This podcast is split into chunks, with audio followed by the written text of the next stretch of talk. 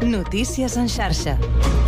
Bona tarda, són les 4, us parla Marc Ventura. El president de la Generalitat, Pere Aragonès, i el seu homòleg del govern espanyol, Pedro Sánchez, es reuniran el dijous 21 de desembre al Palau de la Generalitat. Aquesta serà la primera trobada institucional entre els dos caps dels executius des que Sánchez ha estat investit de nou president. Malgrat això, la intenció de la Generalitat és que aquesta trobada sigui ja una reunió de treball entre les dues administracions. Encara en clau política, el Tribunal Suprem ha anul·lat el nomenament de Magdalena Valerio com a presidenta del Consell d'Estat en considerar que no és una jurista de reconegut prestigi. A més, per primer cop, el ple, el ple del Consell General del Poder Judicial s'ha posicionat en contra de la renovació d'un fiscal general de l'Estat. L'òrgan dels jutges consideren que Álvaro García Ortiz no és idoni per al càrrec. El col·lectiu del Cubo i la Ruïna han convocat una manifestació a Barcelona aquest dissabte a la plaça d'Alfons Comín contra el desallotjament que s'ha produït durant tot el dia d'avui. L'operatiu ha viscut moments de forta tensió i ha estat complicat, ho explica Montse Estruc, cap de, de la regió policial dels Mossos a l'àrea metropolitana de Barcelona. Primer assegurat el perímetre amb efectius de la, i un cop assegurat aquest perímetre hem procedit a assegurar assegurar o entrar als dos edificis. L'entrada ha estat complicada, han hagut llançaments contundents, amb força, doncs, eh, sobretot de, a nivell de magnitud, de pes, els Mossos han utilitzat per primer cop una gàbia per entrar als edificis i protegir-se de les persones que els ocupaven. Finalment han detingut set persones que estaven a l'interior d'aquests edificis i, d'altra banda, l'alcalde de Barcelona, Jaume Collboni, ha donat un missatge de tranquil·litat. Faig una crida a la tranquil·litat dels veïns i les veïnes de la zona de la Bonanova, del districte de Sarrià i del districte de Gràcia, i en aquests moments estem avaluant la viabilitat eh, tècnica dels edificis per prendre després les decisions corresponents. El cos policial assegura que ja té un dispositiu preparat per respondre a la manifestació i, mentrestant, a Santa Coloma de Gramenet no hi ha hagut cap detingut en el temps desallotjament del Centre Social Estudi Nou, on quatre persones s'han atrinxerat a l'edifici. A l'interior es trobaven sis que han quedat identificades i ateses pels diferents serveis. També hi ha una convoca... ja, també hi ha convocada una manifestació, en aquest cas, per al dia d'aquesta tarda. I més més notícies perquè el Teatre Auditori de Sant Cugat del Vallès ja ha posat fil a l'agulla de cara a la temporada de febrer a maig. Fins aquí les notícies en xarxa. Notícies en xarxa.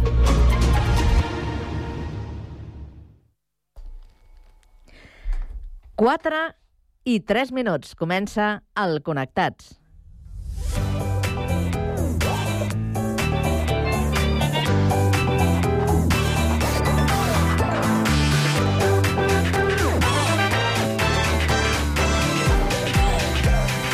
Connectats amb Carme Reversa.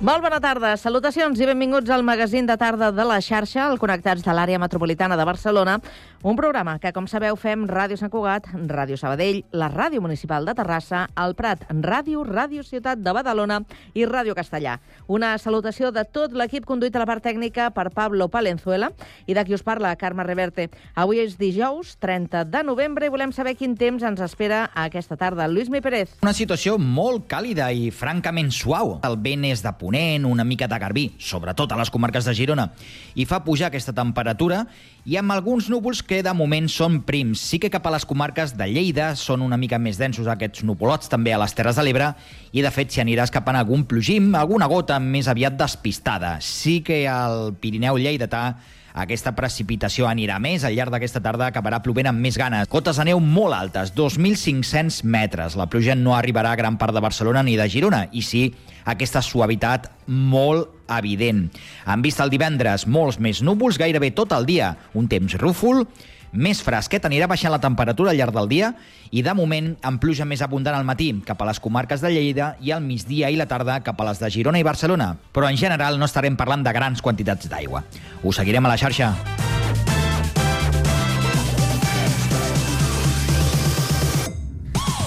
Bé, doncs avui al Connectats parlarem de desestigmatitzar la diversitat funcional. En parlarem amb Anna Margalef, regidora de Diversitat Funcional de l'Ajuntament de Castellà del Vallès. Acabarem la primera hora amb la tertúlia generalista, avui per parlar dels metges de les residències de gent gran i també del cas Dani Alves. A partir de les 5 coneixerem el, el sabadellenc Quim Marín, artista i líder dels Quims Quartet.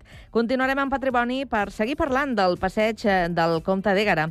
Acabarem amb cultura i el llibre La vida fantàstica, lliçons de vida d'un nen amb somnis, de Didac Bautista, des de Badalona. Tot això i més des d'ara i fins a les 6 de la tarda a la vostra emissora local. Connectats? Comencem. Tears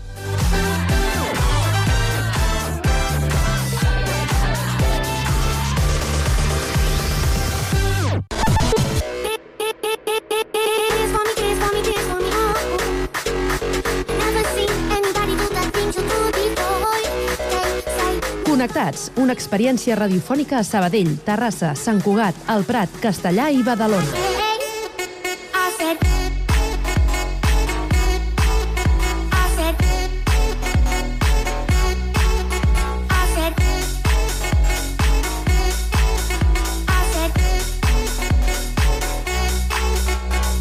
Connectats amb Carme Reverte.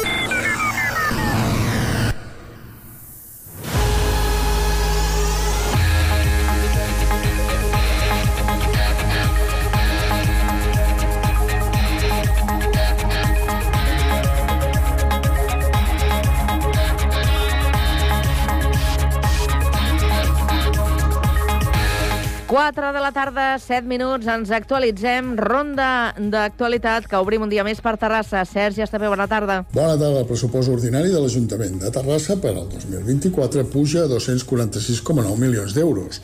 Són 22 milions més que l'any en curs, un increment que suposa el 9,74%. Per àrees, la de territori i sostenibilitat és la que s'emporta el gruix del pressupost. Concretament, un 38 que són 92 milions d'euros. 45 milions seran per a serveis generals, 39 per a acció social, 36 per a promoció econòmica, 15 per a presidència, també 15 per a projecció de la ciutat i 4 per a participació, qualitat democràtica i drets humans.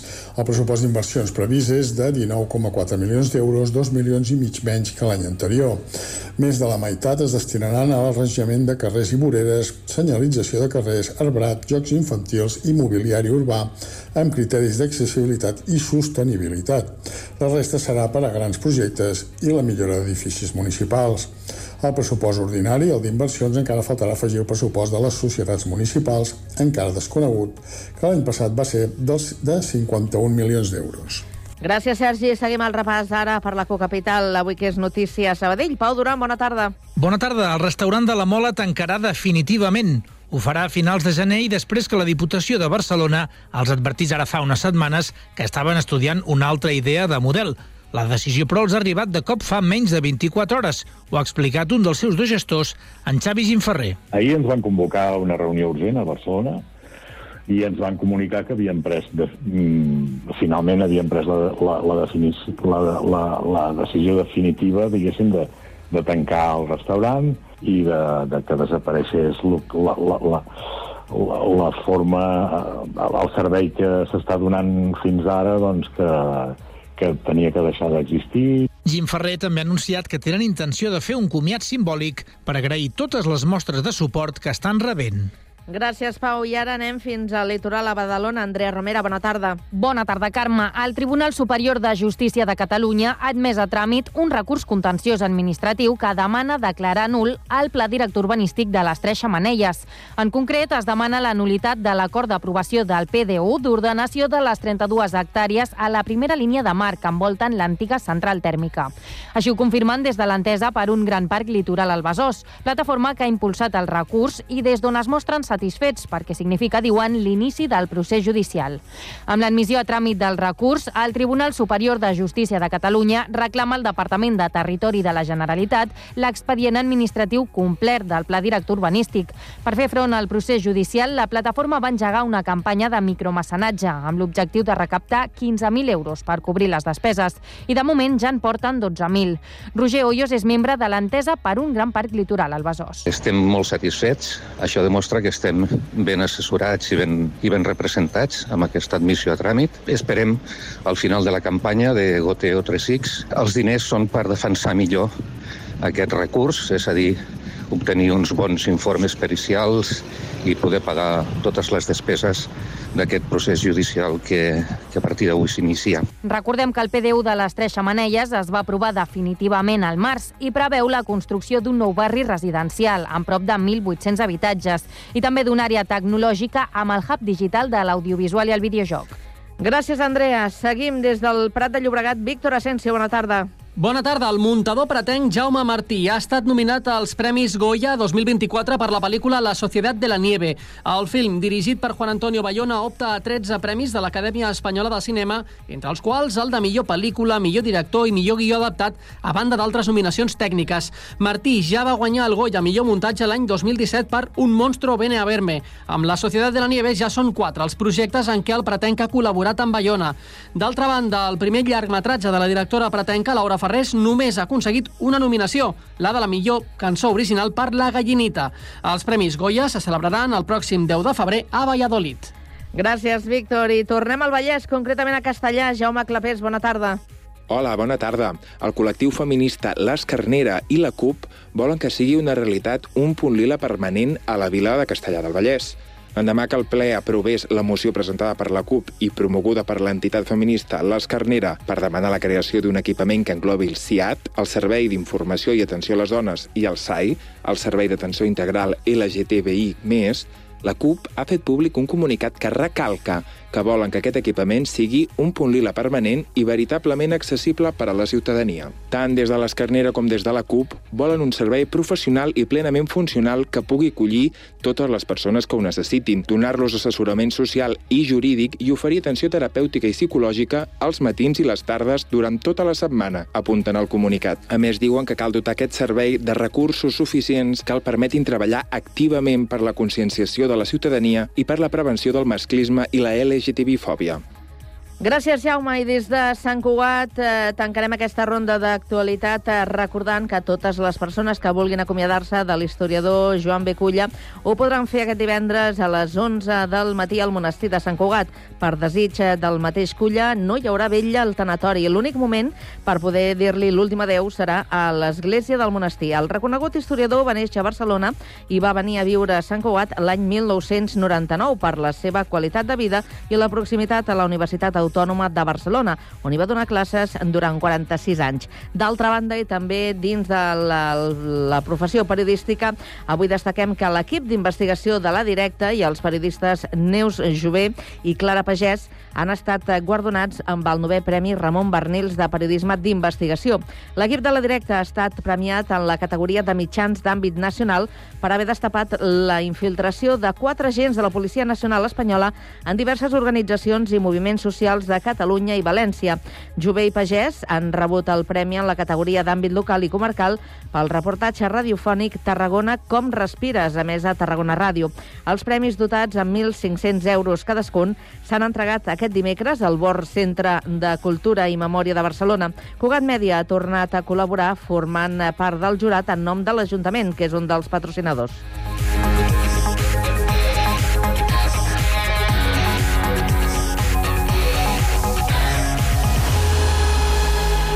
A la tarda, no et desconnectis. A la teva ràdio local, connectats. Can't touch this.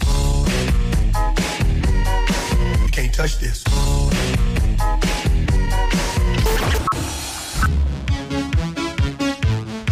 Can't touch this. Can't touch this. Connectats amb Carme Rebell.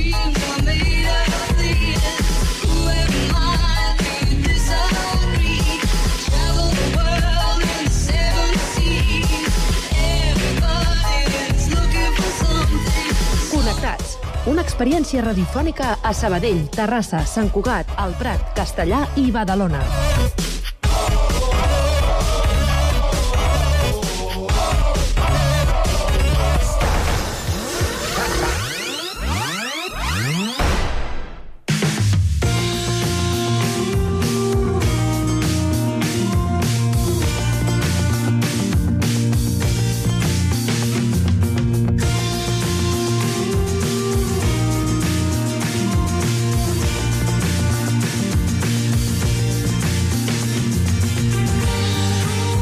Castellà celebra aquest cap de setmana el Dia de la Diversitat. Partint d'aquesta iniciativa, ens fem moltes preguntes. Per què serveix aquest, eh, aquest dia? Què vol dir diversitat? Ho som tots de diversos? Què es fa per integrar les diversitats en la societat? Avui en parlem amb la regidora de Diversitat Funcional de Castellà, Anna Margalef, i parla el Guillem Plans de Ràdio Castellà. Bona tarda. Carme, doncs sí, avui parlem de diversitat i ho fem amb la regidora de Diversitat Funcional de Castellà del Vallès, l'Anna Margalef. Molt bona tarda, Anna. Hola, bona tarda. T'ho pregunto directament, per què calen dies com el de dissabte, un dia per la diversitat? Calen dies com dissabte perquè sembla ser que no ens en recordem tota la resta de dies de l'any, de, de que hi ha persones que no tenen la, la, les mateixes oportunitats que la resta, no? malgrat que hauríem de tenir tots els mateixos drets. Però hi ha persones que per les seves condicions doncs, es troben amb diferents hàndicaps i no els tenen, i cal parlar-ne d'això i cal que tots en siguem conscients. Mm. El que passa que és molt important que pensem que, que sí, que hi ha aquest dia internacional, però que aquestes persones, el seu, el seu hàndicap hi és cada dia, no? 365 dies l'any. A Castellà podem dir que tenim la sort de comptar amb una regidoria de diversitat que no tots els ajuntaments la tenen, no? Sí, jo estic molt contenta d'haver estat la primera de regidora de diversitat aquí a Castellà. És veritat que fa molts anys que s'hi estava fent feina en aquesta línia perquè des d'atenció social ja hi havia una persona tècnica responsable de, de fer totes aquestes feines, però en el moment que en una regidoria se li dona un nom i cognoms, se li dona com més força i més visibilitat també, no? Per, I això també et permet generar més feina i per tant vas, vas arranjant més, més, doncs, més dificultats no? d'aquestes persones que t'explicava.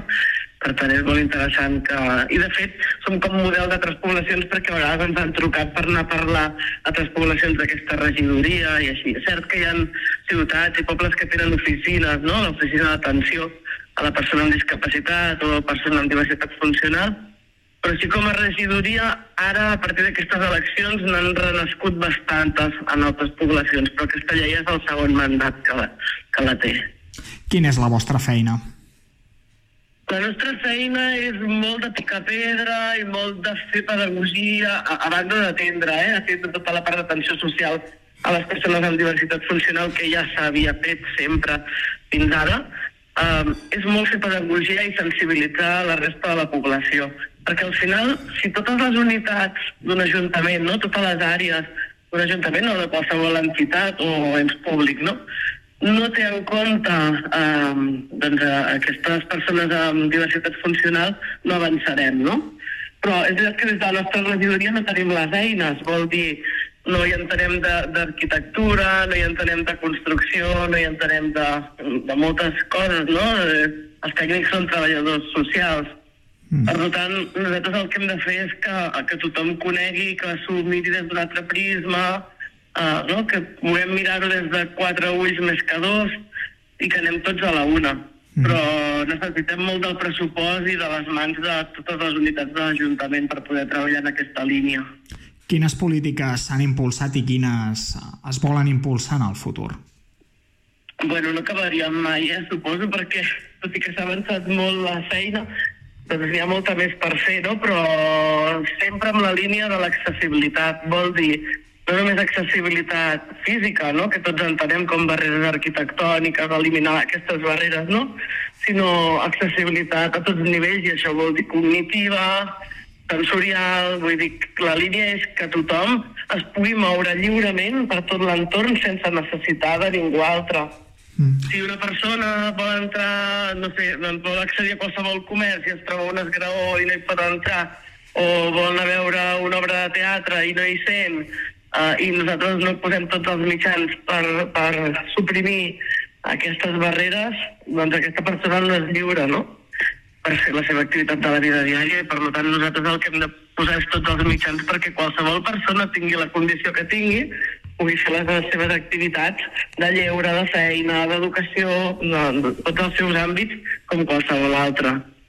Teniu una sort i és comptar amb diverses entitats a castellà que treballen pel tema. Sí, sí, sí, és veritat. Mira, una de les activitats que hem marcat dins d'aquest dia internacional és el dissabte al matí, i, i, i ha sorgit no, no de l'Ajuntament que, que digui doncs anem a organitzar una activitat i, i convoquem a gent, sinó que entre totes les, o entre diverses entitats de la Comissió d'Entitats de Diversitat Funcional que tenim a Castellà, ens vam unir per sumar forces i, i organitzar una jornada amb diferents tallers i activitats i això és molt bonic i molt poderós, no? Perquè cadascú és expert en el seu àmbit però, però l'àmbit de cadascú és com més reduït. Si unim forces, doncs assumem i podem arribar a molta més gent.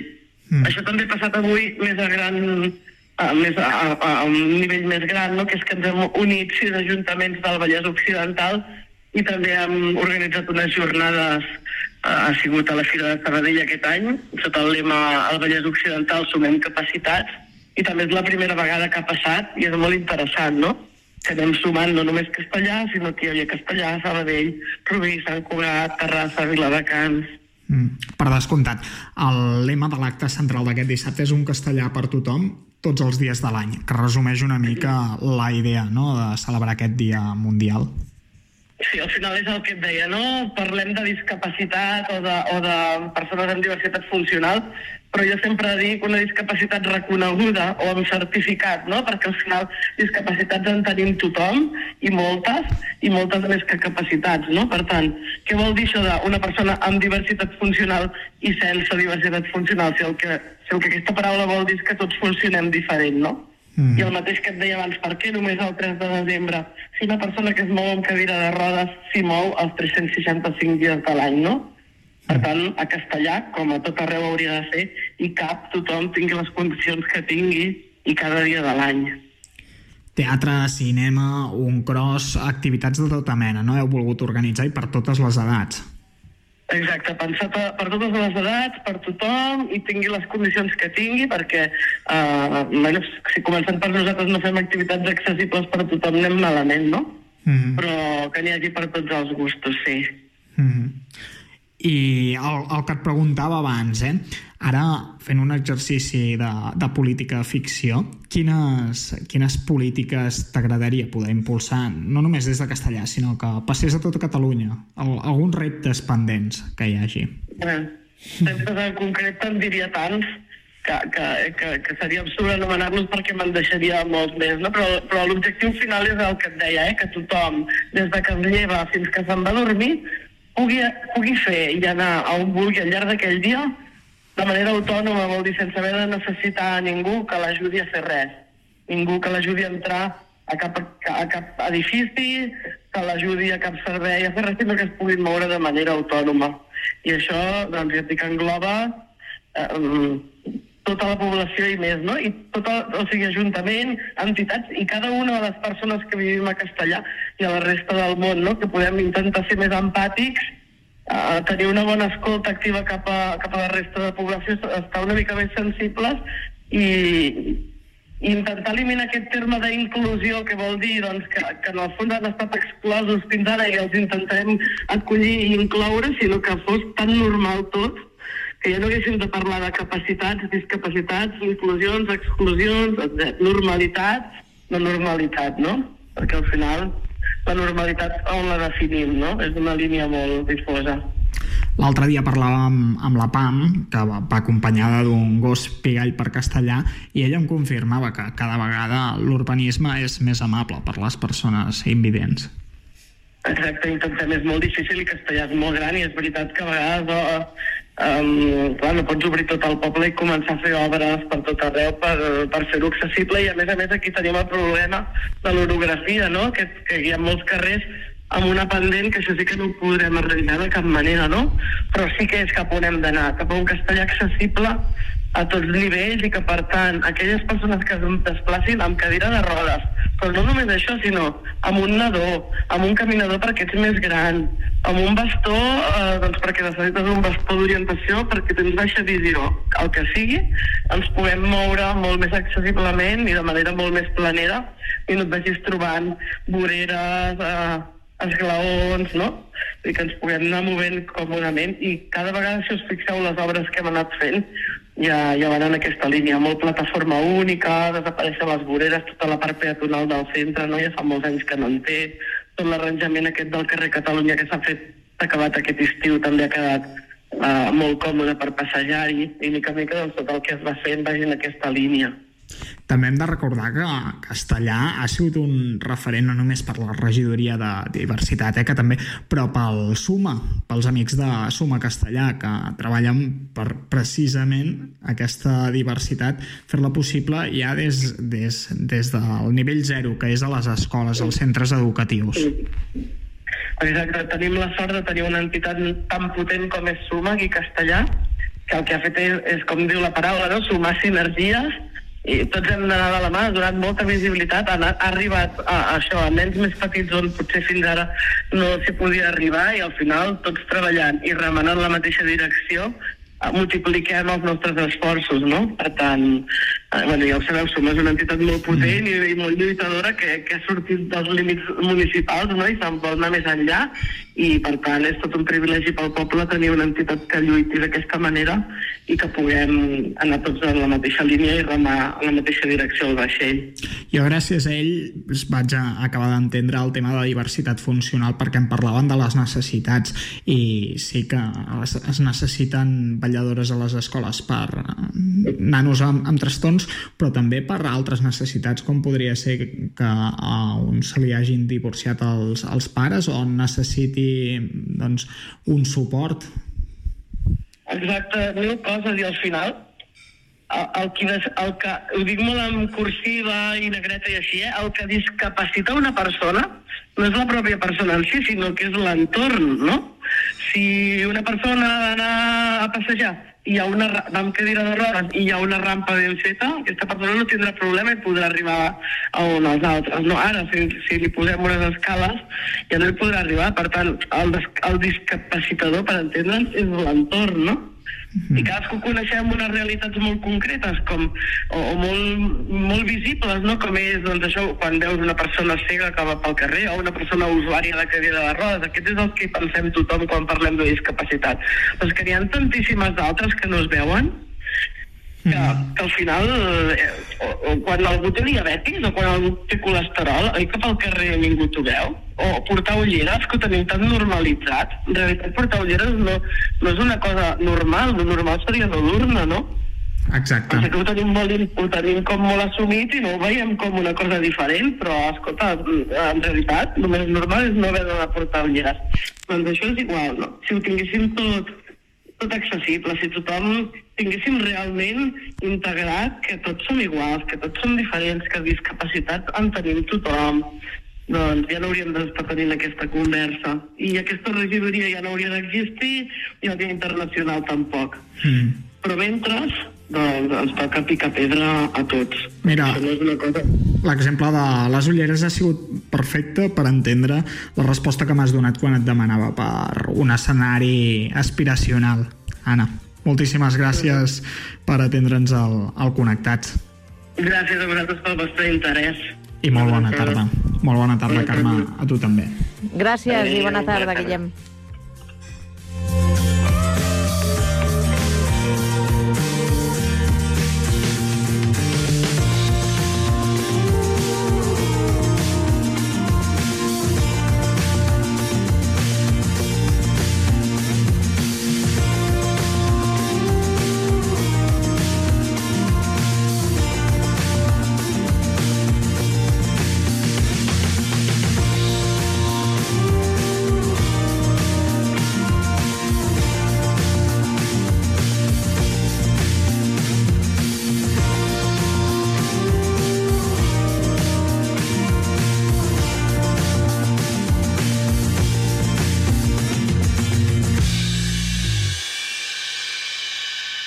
Tarda, no et desconnectis.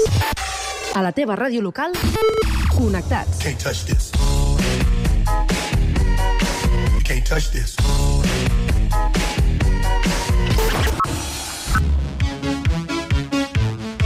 Can't touch this. Can't touch this. Connectats amb Carme Rebell.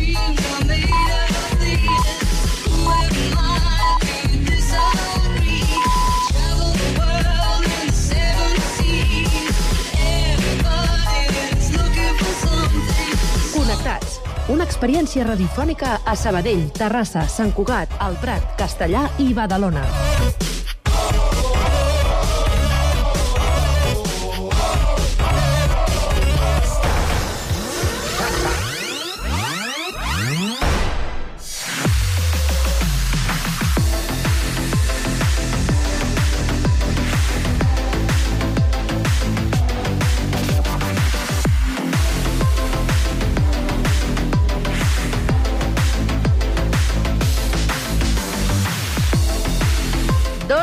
Dos quarts de cinc de la tarda. Arribem molt puntuals a la nostra tertúlia dels dijous. I avui és una tertúlia que compartirem amb el Xavier Soleil, que és director de la residència de gent gran de Santa Coloma. Xavier, bona tarda. Hola, bona tarda. Avui, avui heu tret el tema, eh? Av avui, avui toca parlar d'un tema que tu segurament ens podràs eh, il·lustrar, il·lustrar molt bé. Per cert, a Badalona plou o no? Uh, ara estaven caient unes gotetes quan entrava aquí als, als estudis. Estaven Val. caient quatre gotes i sembla que la cosa anirà, anirà més. Esperem-ho, esperem-ho. Esperem, sí. No, la previsió és de pluja per demà. Si s'avança i plou una mica més, no passa res. Ben agraïts estarem. Uh, anem a Terrassa. Uh, ja ens espera el Josep Vallvé, que és exempleat de Caixa d'Estalvis i columnista. Josep, bona tarda. Bona tarda, contents de sentir-vos i per, permetem que digui una cosa. Digues. Avui el que has de prioritzar, perquè haurem d'escoltar molt més a, el que hi entén més, que ara serà el Xavier, perquè els altres podem tenir l'opinió, però qui pot parlar amb coneixement de causa serà ell, per al·lusiones, eh? Ja. Amb el primer tema que, que proposareu, eh? Bona Lourdes, tarda a tothom. Lourdes, espera un moment que et presenti Lourdes Dalmau, professora, llicenciada en Economia i Empresa. Què tal? Pues, eh, és, eh, indiscutiblement, segurament el senyor Soleil és, eh, és un, eh, un, un documentat i, i amb una experiència total. Però us haig de dir, us haig de dir que jo vaig posar una denúncia a la Fiscalia amb una residència eh, en un lloc que A- ara- tenia... ara ens ho explicaràs, a veure, perquè no, aquí- bueno, el tema personal no, El- però vull dir que mm, m'ho conec, ja té els meus pares, gràcies a Déu, i conec algunes històries. Bé, doncs... Doncs, Eh... jo, doncs jo parlaré menys, jo parlaré menys. Doncs. Bueno, després ens parles del Dani Alves, si, si et sembla. Però no de la part futbolística, perquè avui el tenim com a tema per una altra, per una altra qüestió. Però quan parlàvem de, del tema de, dels metges i de les residències, és que doncs, eh, hi ha... mm, Sembla que, que, que per fi, no sé si dir per fi, es posa fil a l'agulla i us en recordeu? Eh, anem a la pandèmia, quan eh, doncs, eh, es, la pandèmia va fer tant de mal a les residències i eh, es va plantejar la necessitat de, de reformular eh, el, el, el funcionament, però sobretot eh, pensant en l'atenció mèdica que, que es dona als, als usuaris, doncs ara la Generalitat es dona de termini un any per eh, intentar mm, reformular tot això. I quina és la idea? Doncs que els metges de les residències de gent gran siguin els eh, professionals dels centres d'assistència primària. Clar, tot això eh, s'haurà de, de, de, de, de conjugar ben bé perquè entren professionals de, de la sanitat amb els professionals que estan treballant en aquests eh, centres. I, per tant, doncs, tot això requereix de- d'un procés de- d'adaptació, d'entesa, de comunicació, perquè tot eh, pugui eh, eh, fluir, no? Eh, D'entrada, aquesta, aquesta idea, Xavier, mm, tu com a director d'una residència, com, com, com l'esteu veient?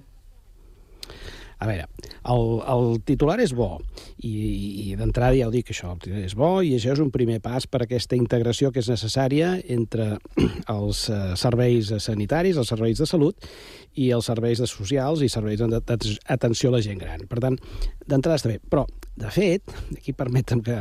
De fet, el problema que, que intenta posar això com una mica, com un petit esparadrap, és un problema més greu que el que apuntaves tu. El problema és que cada vegada, aquests últims anys, ens en donem compte que les residències de gent gran, no només les públiques, i la, la meva n'és un exemple aquí a Santa Coloma de Gramenet, sinó que, en general, cada vegada es fa més difícil de retenir el personal facultatiu, és a dir, els metges, i les infermers i infermeres. Uh, per què? Doncs no és que tots se'n vagin a Suïssa a treballar i tal i qual, que alguns s'han anat, sinó que el propi, la pròpia xarxa pública de salut, els propis centres d'assistència primària, els propis EAPs, els propis hospitals, han anat eh, assumint aquest personal. Anat... Per què?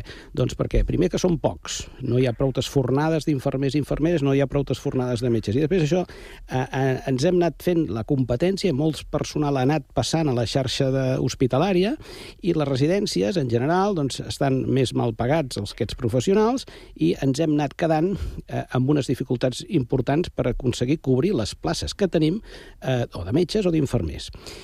Aquest primer pas, que això reclamava, es reclamava fa temps, escolta, no podem ser les residències uns compartiments estancs que estan allà i, i que el, el Departament de Salut abans de la pandèmia, deien, mira, a les residències ja s'espavilaran, eh? ja s'espavilaran. Com si, puguem dir, eh, els EAPs, els CAPs, els CAPs i els EAPs, escolta, tenim la nostra feina, que és la població, diguéssim, en caràcter general, que viuen domicilis particulars, i, escolta, amb les residències ja se'n faran càrrec, qui se n'hagi de fer càrrec, que posin el seu metge, que posin els seus infermers.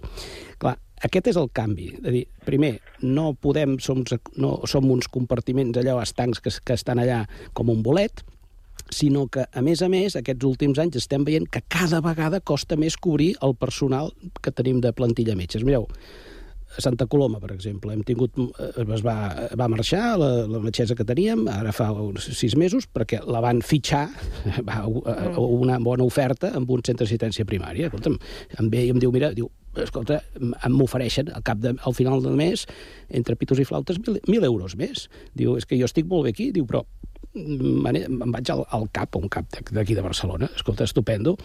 Hem estat mesos i mesos per buscar un substitut metge. Per què? Perquè no n'hi ha. Perquè no n'hi ha. Però llavors, I... I- Xavier, eh, eh, a, a, anem a patar sempre al mateix. És qüestió de diners. Sí. No només això, a veure, no només això. Primer també és qüestió de personal, és a dir, que no som prou... ja, però el, el, personal, el personal el retens tenint un pressupost Exacte. en condicions. Ana, ah, exacte. I a més, aquest acord, que això també és la part positiva, jo penseu, recordeu que he dit, comencem bé, és un primer pas. Mm. Uh, acaba dient, uh, això, a part d'aquesta aportació que farà el departament per ampliar els, els, els, els, els eh, infermers i infermeres als, als EAPs per poder-se fer càrrec de les residències, no només per col·laborar amb aquelles que tenen, sinó per poder-se fer càrrec, també diu, uh, hi ha una part que diu, uh, es procedirà a que aquells metges de residències que en aquest moment estan en plantilla s'integrin en, els, en els CAPs, amb la qual aquesta integració ve a dir que han d'acabar fent també la integració salarial que per correspon. L'equiparació. Sí. Ah, exacte. Si no hi ha aquesta equiparació salarial dels metges, primer, i dels infermeres, eh, o infermers en segon lloc, eh, el les residències ens quedarem desateses.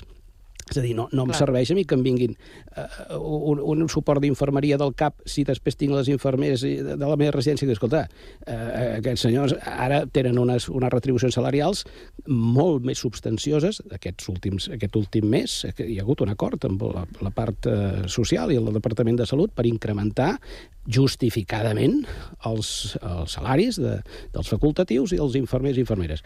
Escolta, això també s'ha d'aplicar o s'han d'incorporar tots els personal que hi ha del Departament de Drets Socials, també en aquest sentit, a, a, a, que estan treballant a les residències per poder tenir aquesta equiparació, o si no, se'ns n'aniran ens quedarem, ens quedarem que els, Home, i els Xavier. avis i, avi, i els residents, els usuaris, necessiten, com podeu imaginar, una, una forta, una ràtio important d'hores d'assistència d'infermers i de, i de metges. En una residència de Mm. 170 eh, residents necessites un, un metge eh, a les 8 hores del dia.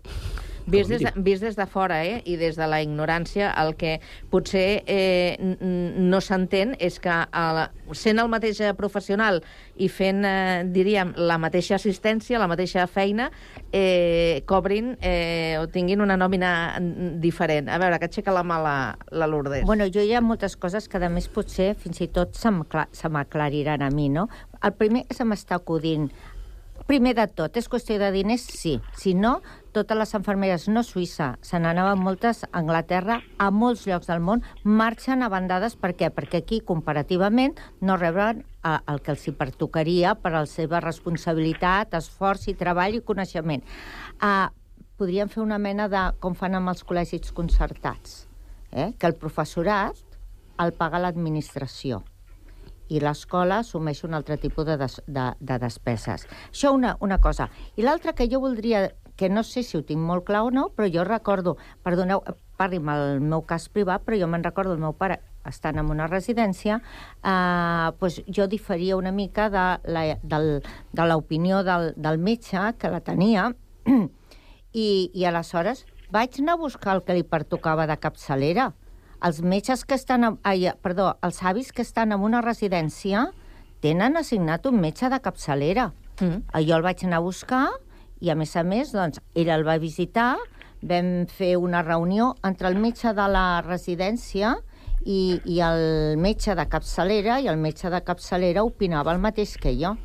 Eh, vull dir que eh, això que volen fer, en el fons, no serà, diguem que se'ls mm, reduirà una possibilitat que té el resident.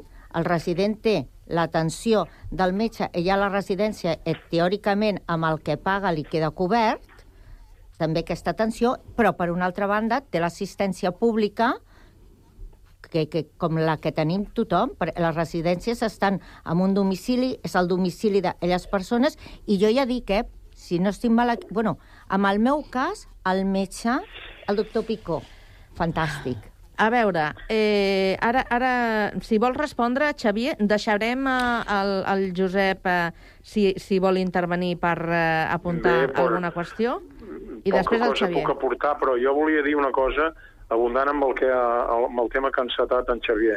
Eh, si és tema de diners, que sembla ser que sí, evidentment em declaro amb inferioritat de coneixements amb respecte a ell i amb respecte al que pugui haver dit la Lourdes, perquè no és un ram que jo pugui conèixer especialment. Si és un tema de diners, la problemàtica hi és amb els mestres mm, nacionals i eh, de les escoles públiques i els mestres de l'escola privada. És el mateix que va passar temps enrere amb els Mossos d'Esquadra, que tenien un sou, i els policies nacionals, que en tenien un altre. A veure, el que, és, el, el que a mi em, em, em rebenta, no sé com dir-ho, és que hàgim d'anar sempre a batzegades. Aleshores, a batzegades, si aquesta, aquesta nova normativa eh, té el seu, la guspira que l'encén és la, el Covid, el Covid va començar, cuidado, fa més de 3 anys i mig, eh? És ara que es lleven amb la sequera, que la sequera ja en vam tenir una, si no tan greu, doncs una altra fa, 18, eh, fa di, eh, 15 anys, l'any 8, és ara que ens hem de plantejar si fem, de, de, fem plantes desalinitzadores, amb el tema del quart cinturó que tant ens afecta a Terrassa, eh, per fer un tram de 6 quilòmetres han estat 17 anys, és ara, i aleshores, si el problema són diners, si el problema són diners, la meva pregunta és la següent. Amb el deute públic que té la Generalitat, que ens l'han de condonar des del govern central, qui pagarà això? Un altre eh, perdó que ens faran des de l'administració central? Em quedo amb cara de pòquer. No a, dic res més. a veure si té alguna resposta a aquestes qüestions, el Xavier. Vinga.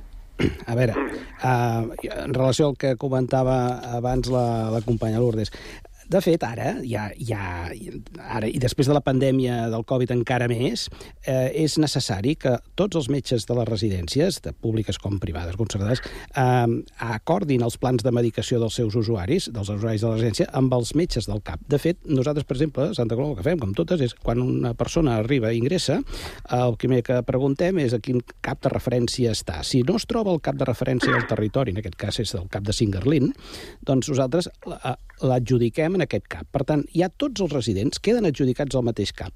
La coordinació del metge amb el, amb el CAP, amb els metges del CAP, és necessària, imprescindible per als plans de medicació, per modificar aquests, per les prescripcions mèdiques, per tot el que faci falta. El que aquest acord eh, va més enllà és dir, mireu, Ara dotarem, el, de- el, el, la Generalitat, el pressupost de la Generalitat, es dotarà al Departament de Drets Socials en, en col·laboració amb Salut, es reforçarem tots aquells CAPs i EAPs, atenció d'atenció primària, que hi hagi en el seu territori residències. Per què? Perquè puguin cobrir més bé les, eh, els, els serveis mèdics i d'infermeria, que ja veurem, aquest és, em preocupa més, serveis mèdics de les residències, perquè algunes en aquest moment no tenen metge o altres tenen metge però a hores comptades. Per què? Per allò que dèiem abans, perquè de metges no n'hi ha. I per tant, el departament diu, bueno, reforçarem, am- ampliarem les plantilles de metges destinats a que aquests, aquests usuaris de residències se'ls facin seus. Perquè, insisteixo, abans de la pandèmia, eh, els CAPs, escolta'm, anaven per al seu cantó i les residències per una altra. I no se'ls sentien, sempre dèiem una mica la crítica, que el CAP se, se sentia com una mica aliè el que eren els usuaris que estaven atesos en una residència. No? Això és el que es vol que es modifiqui, que es canvi en positiu. És un primer pas. Ara, també és veritat que això caldrà aquí molta més inversió, perquè caldrà equiparar, jo insisteixo, que els salaris de tot el personal d'infermeria, els salaris dels metges, perquè després no se'ns en vagin... No? Sigui, si poden donar molt suport, però si després les infermeres o els metges no perceben els mateixos ingressos salarials, escolta'm, eh, se n'aniran a treballar a, a un hospital, no, no els tindrem a la residència, no els podrem retenir. Això és important, que almenys els que pocs que tinguem els retinguem, no? I que després el Departament de Salut faci aquest esforç suplementari per atendre millor, per atendre més bé a tots per- els usuaris de les residències. Vull dir que aquest és una mica l'objectiu. Mm Doncs hi ha una bona feinada d'entrada en el termini Uh. d'aquest Sí, any. Veurem quines són les passes que, el, el que es jo, fan. el que jo insisteixo, doncs, que em dóna la sensació de que aquest que és un dret que té tota persona que, que estigui a, a, a Mhm. tenir una assistència sanitària, estigui en una residència, estigui al seu domicili, doncs, de fet, li treus una possibilitat al resident. Per, no, ara ja tens aquest metge tal... Per exemple, aquest cas de les dues opinions no la, te, no, no la podràs o bueno, ja és molt més complicat demanar dues opinions d'un metge. O sigui, en, en realitat, vull dir, aquest dret ja el tenim. Que no s'utilitza? Doncs pues això no ho sé, però que tots els, totes les persones ingressades en una residència tenen el dret a estar assistit per al metge que tens allà, que jo ho trobo molt bé. Ell és un metge 24 hores al dia. 24... Depèn, Sí, sí. De, de, depèn de lo gran que sigui. Però totes les persones que estan ingressades eh, són persones que necessiten atenció perquè per l'edat ja tenim, comencen a tenir problemes de salut i, a més a més, moltes d'elles fins i tot poden tenir temes de demència, que encara s'agreuja mira, molt i tant. més. S'a- Sí, sí. S'agreuja soc- molt més. Per tant, jo el fet de que hi hagi un metge permanent allà, que el pagui qui vulgui, ja m'és igual, però que també tinguis dret, si vol, te vols agafar el teu familiar i portar-te'l al cap perquè li facin la visita que tu creguis que et convé o que et vinguin a visitar el propi cap que és el teu domicili en el moment si estàs és allà que ingressat. ara- ara això ja- jo ja soc molt teòricament no caldrà. Jo sóc molt escèptic en aquest tema, en quant al tema de diners, calés. Si els altres dels exemples que he posat, per exemple, el de la, de la sequera, amb les desalinitzadores, i el tema de l'acabament d'un tram del quart cinturó de 6 quilòmetres i poc més, si ha trigat entre 14, 15, 16 anys en, en, en posar-lo en òrbita, això de moment és un gran titular que pot, ens pot esperonar Uh, li veuré l'acabament del túnel jo abans no me'n vagi, Eh, abans sí, no em sí. mori, pregunto, d'on trauran els diners? Hi ha alguna empresa, hi ha alguna empresa, alguna, algun departament concret de l'administració pública estatal i de la Generalitat que auditi i que controli la despesa que significa el pagament de sous Sí, però- dels diputats, etc. Amb, eh, per què no ens ajustem, no s'ajusten els salaris d'aquesta gent i es, i es milloren els salaris del personal mèdic, es, es, millora, es millora el personal dels mestres, es millora el, el, el, tota aquesta història, al final, la mare dels ous és diner. Parlem-ne, Bueno, però, però, parlem-ne una en cosa, sèrio. una cosa, Josep, Josep, no només, no només són diners, sí, evidentment, Sí, al fons sempre no als enganyem. diners. Però, per exemple, jo, escolta, jo tinc una plantilla, poso un exemple, demà mateix, eh, demà mateix, una plantilla que demà al matí, teòricament, tinc tres, he de tenir tres infermers al de, de plantilla al torn de matí i tres a la tarda.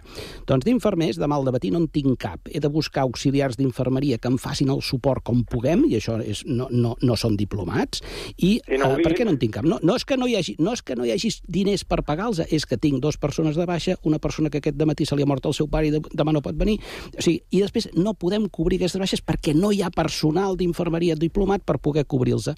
Diners, o i tant que els tenim. Al final de mes aquesta gent cobrarien si fossin, però no n'hi ha. És a dir, que aquí hi ha d'haver un altre, un altre plantejament que també és pensar com i de quina manera s'han de fer, mm, crear més places de metges i més places d'infermers i infermeres, perquè si no, no podrem cobrir tots els serveis que la societat nostra del benestar anem creant cada dia. I com que anem creant cada vegada més serveis, necessitem més professionals d'aquesta mena que no tenim.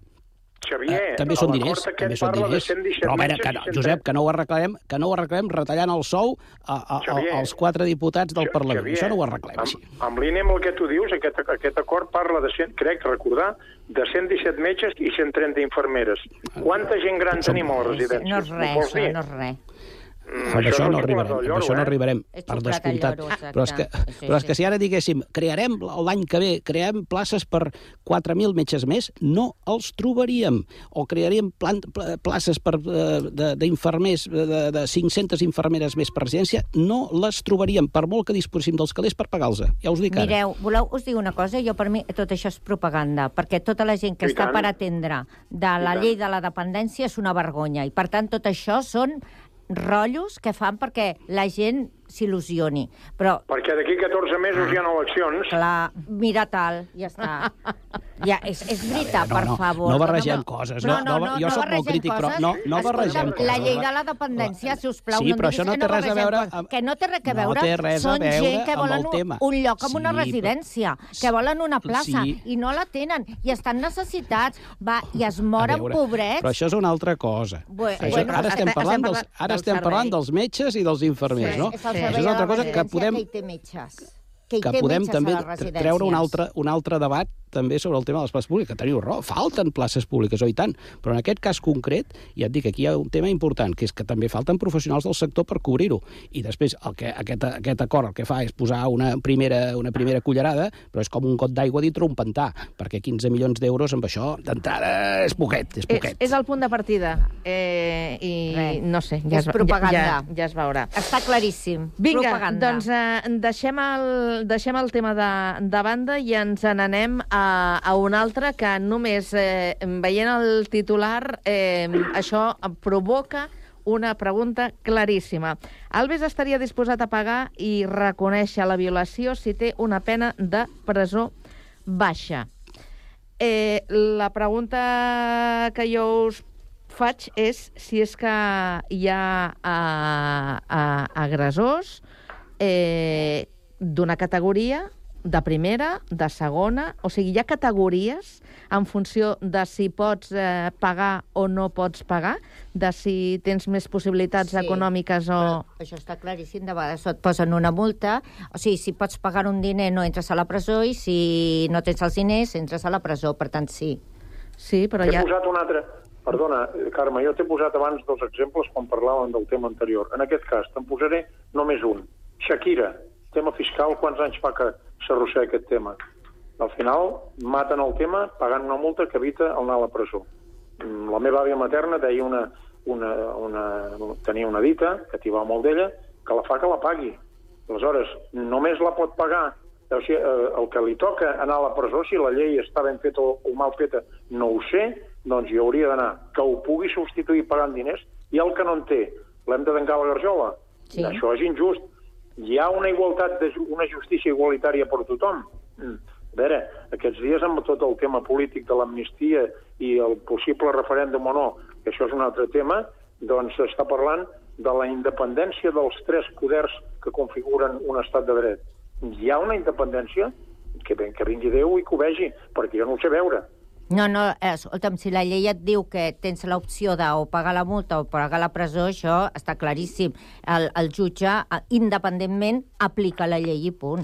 Vull dir, eh, qui fa la llei és el legislatiu. Explica-li als polítics que quin tipus de lleis fan. Per exemple, amb lo de la llei del CSI, que van sortir molts condemnats al carrer, perquè qui va fer la llei? Els jutges no, els jutges l'apliquen. Mm.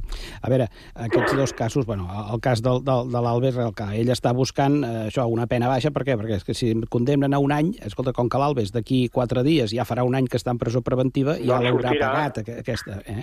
No, no, clar, no, vull dir, però si la condemnessin a un any, ell ja haurà complert aquest any amb la presó preventiva en què està ara, d'aquí quatre dies. Ell està buscant això i després està buscant una cosa, després, que, que la, la víctima accepti una indemnització, perquè si la víctima diu jo no ho accepto, eh, el jutge diu, escolta, pues, no, no parlem d'indemnitzacions. Ara, si la víctima està disposada, eh, a, a, a, bueno, el jutge diu, d'acord, molt bé, doncs, eh, escolti, es fixa una indemnització. I suposo que l'Albes el que deu estar mirant és que perquè aquest acord eh, sigui més ràpid, eh, de sota mà, eh, fora, diguéssim, d'allò, encara li deu estar oferint una indemnització complementària a la que sortirà formalment, eh, potser apuntada en un judici. Aviam, jo Això ho he entès diferent, eh? Ara, Jo també deixeu-me una cosa, per, permeteu una cosa. Hi ha una cosa que, que potser, eh, abans quan deien, és que tots els, els més rics tenen allò... Sí, te- evidentment hi ha uns privilegis i la justícia en té doble vara de marí, però hi ha una cosa que cal recordar hi ha una figura que són les penes alternatives a la presó, que són els treballs en benefici de la comunitat, que hi ha moltíssima gent que són absolutament anònims que estan complint aquestes penes alternatives a la presó.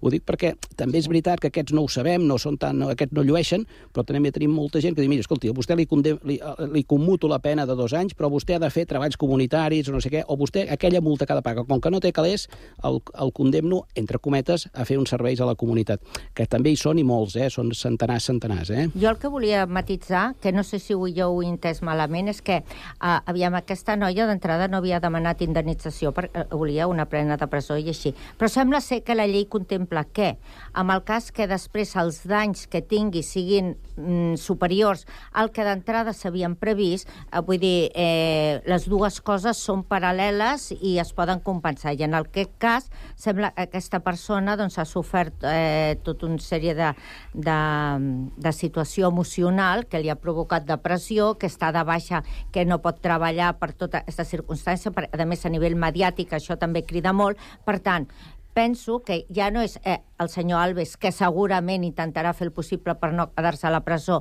diguem-li, eh, es, podrigui, eh, es, es pogués beneficiar del seu temps, sinó que ella té dret a una indemnització per als danys i, paral·lelament, aquest senyor ha de complir presó per als fets. En, en castellà hi ha un refrany que Molt diu ràpid. una, una, frase, una frase feta que diu eh, ritare el rito, en català fent cofis i mofis, aquesta noia, jo no vull carregar les tintes ni contra l'Oles ni contra aquesta noia.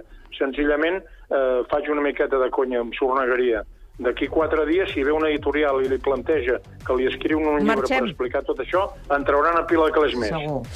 Ho deixem, ho deixem aquí. Gràcies per el debat. Eh, Lourdes, eh, Xavier i Josep, que tingueu molt bona tarda, que vagi bé. Adéu-siau. Adéu, companys. ¿Preparados?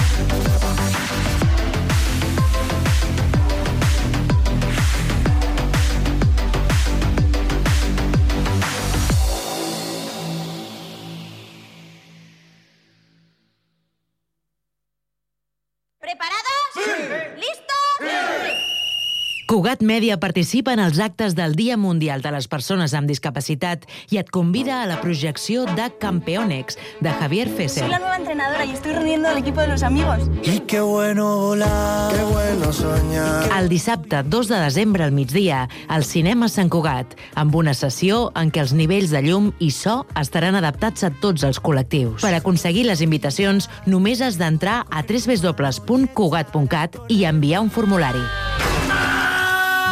Si voy a saber hacer esto, entrenadora. Cugat Mèdia. Som especials, com tothom. A mí esto me parece un peligro. ¡Bingo! Estrenem l'APP del Picalletres. Paraules i jocs lingüístics per a tothom. Descarregueu-vos l'APP a Google Play o a l'App Store i comenceu a jugar.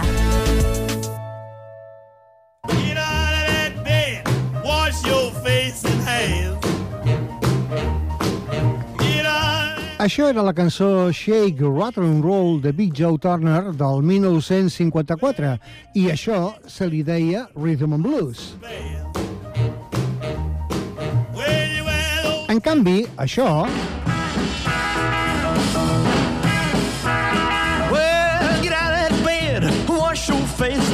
és la mateixa cançó interpretada per Elvis Presley el 1956 i aleshores se li deia rock and roll. Per què? Doncs tot això i molt més... La música i les seves històries. Cada dissabte a les 5 de la tarda, després de les notis, és clar, al Club Tortuga, a Ràdio Sant Cugat, al 91.5 de la FM o a cugat.cat. No hi falteu. L'Associació Amants del Teatre i Ràdio Sant Cugat Cugat Mèdia t'apropen grans obres de la literatura a través de la Uida. Ivan Ivanovic es treu una nota de la butxaca i la llegeix. Una bola de cristall per al llum, una lliura d'embotit, cinc còpecs del clavell d'espècie... Socials de l'afer, però juro solemnament que no he tacat el nom del 30, meu marit. 40, 50, 60. Aquí té els seus diners. Ara, on m'he de posar? Radioteatre amb obres de Mercè Rodoreda, Pere Caldés, Robert Robert o Anton Chekhov. Al 91.5 FM i a www.cugat.cat.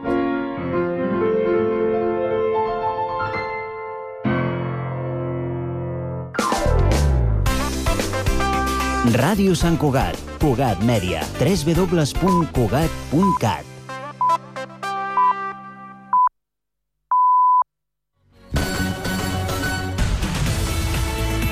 Ràdio Sant Cugat, Cugat